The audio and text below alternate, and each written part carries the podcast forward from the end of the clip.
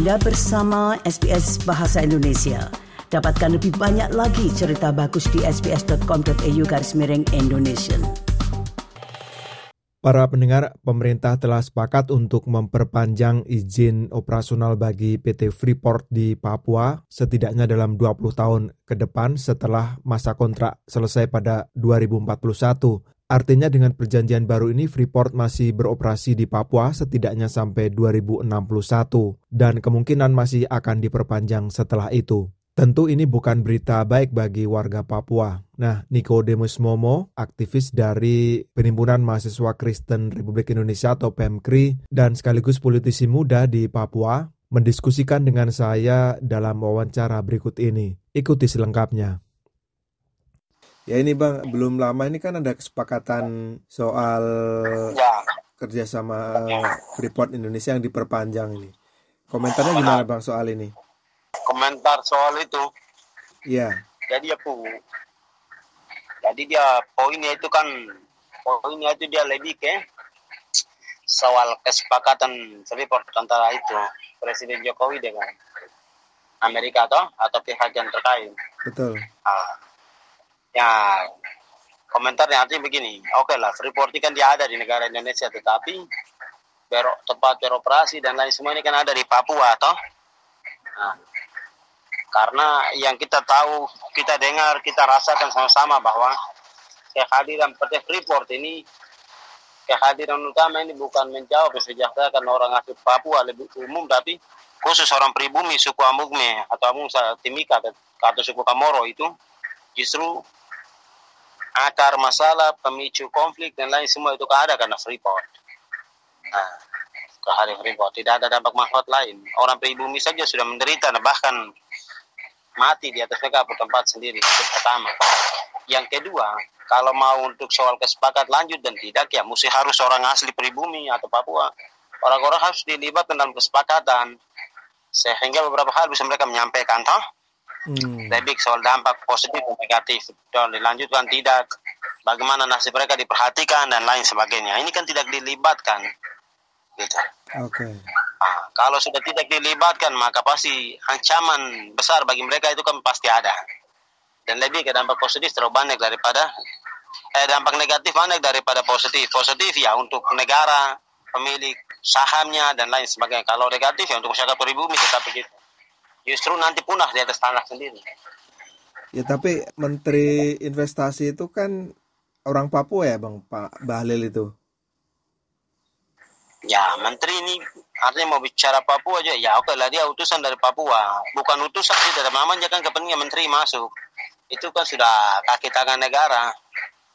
Jadi tidak bagaimana ya ya kalau merumuskan baik apa boleh. Kalau tidak ya dampak orang pribumi tetap begitu. Menterinya tetap selamat orang pribumi ya tetap. Begitu. Minimal hmm. orang pribumi harus dilibatkan dalam setiap keputusan. Hmm. kalau ke, setiap keputusan tapi orang pribumi tidak dilibatkan sama saja hasilnya. Khususnya bagi suku-suku yang memang yang terdekat suku dengan Freeport Kamoro suku ya di Kamoro suku Kamoro atau Timika.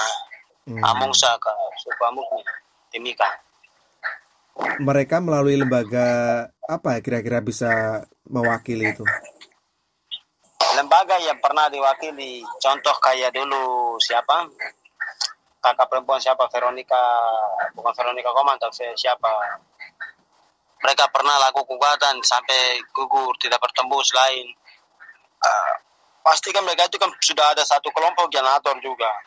Salah satunya mereka punya masyarakat lembaga juga yang ada, toh uh, kecil-kecil yang kayak peduli lain nah mereka ini sudah ya bisa dilibatkan. Kalau perusahaan berniat baik atau pemerintah berniat baik ini kan tidak. Justru pakai militer selalu tekanan di bawah. Aparat keamanan yang selalu jaga siaga satu 24 jam. Seakan-akan di situ ada daerah konflik yang bagaimana? Padahal aparat berjaga hanya karena itu. Perusahaan yang bersangkutan ini saja. Tapi seandainya masyarakat ada dilibatkan tidak masalah Freeport beroperasi di sana Iya, artinya hasilnya kan kita dengar minimal masyarakat dilibatkan. Freeport kok beroperasi tetap minimal apa-apa yang kita sepakati, toh. Contoh perumahan, so misalnya ya, Freeport kok ada beberapa orang pribumi ya misalnya perumahan sosial misalnya dibangun atau anak-anak kok berpribumi bagaimana yang bisa di anggarkan dana biaya khusus untuk mereka itu diperhatikan sisi kesehatan toh dan lain sebagainya harus ya bagian minimal harus ada kesepakatan ini kan tidak ada selama ini kan itu kata kabarnya sudah dilakukan bang Niko dilakukan. Penyediaan ya, itu dilakukan. Itu itu dilakukan secara menyeluruh dan tidak memproteksi kepada orang asli pribumi. Begitu. Hmm. justru orang-orang pribumi itu nanti kalau kalau abang ke Timika nanti abang lihat sendiri toh. Nah, bagaimana nasib hidup orang suku asli? Amukme itu, Kamoro itu, mereka punya nasib nanti abang sini lihat. Itu kayak macam di di itu aborigim sana suka aborigim. Ini ya. Ya langsung kayak macam punah gitu. Jadi namanya perusahaan sudah beroperasi tempat itu misalkan mau masuk hutan bagaimana mau berkebun bagaimana dan lain sebagainya toh. Punya tanah saya sudah dirampok dirampas semua habis. Dan pemerintah daerah nggak cukup memberi advokasi untuk mereka ya? Nggak cukup.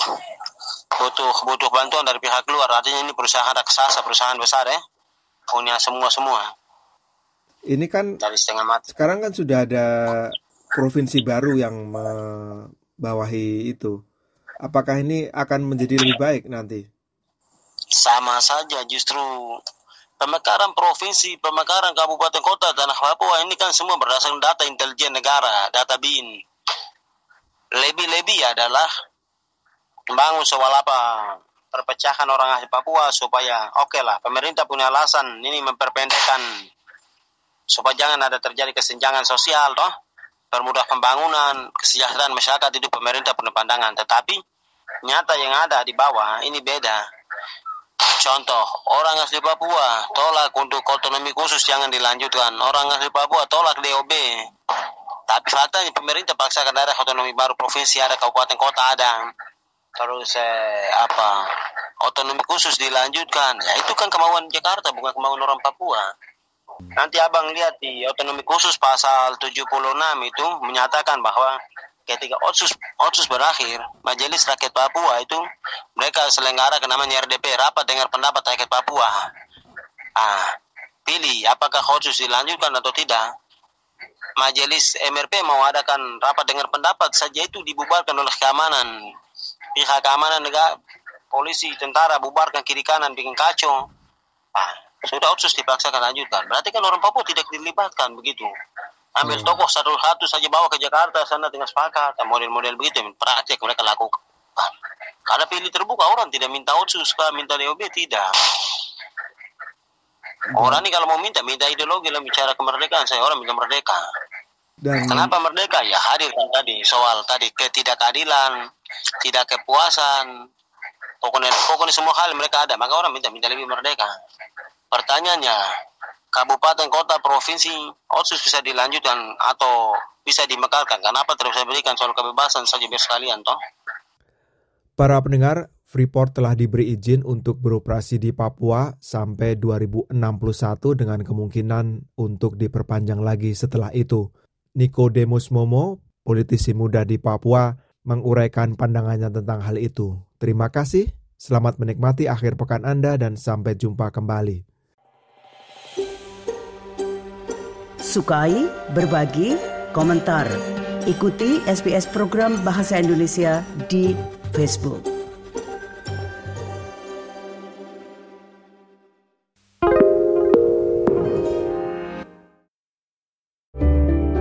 Need a few minutes to reset? Great Minds is a podcast from SBS that guides you through different meditation styles from around the world. Listen wherever you get your podcasts.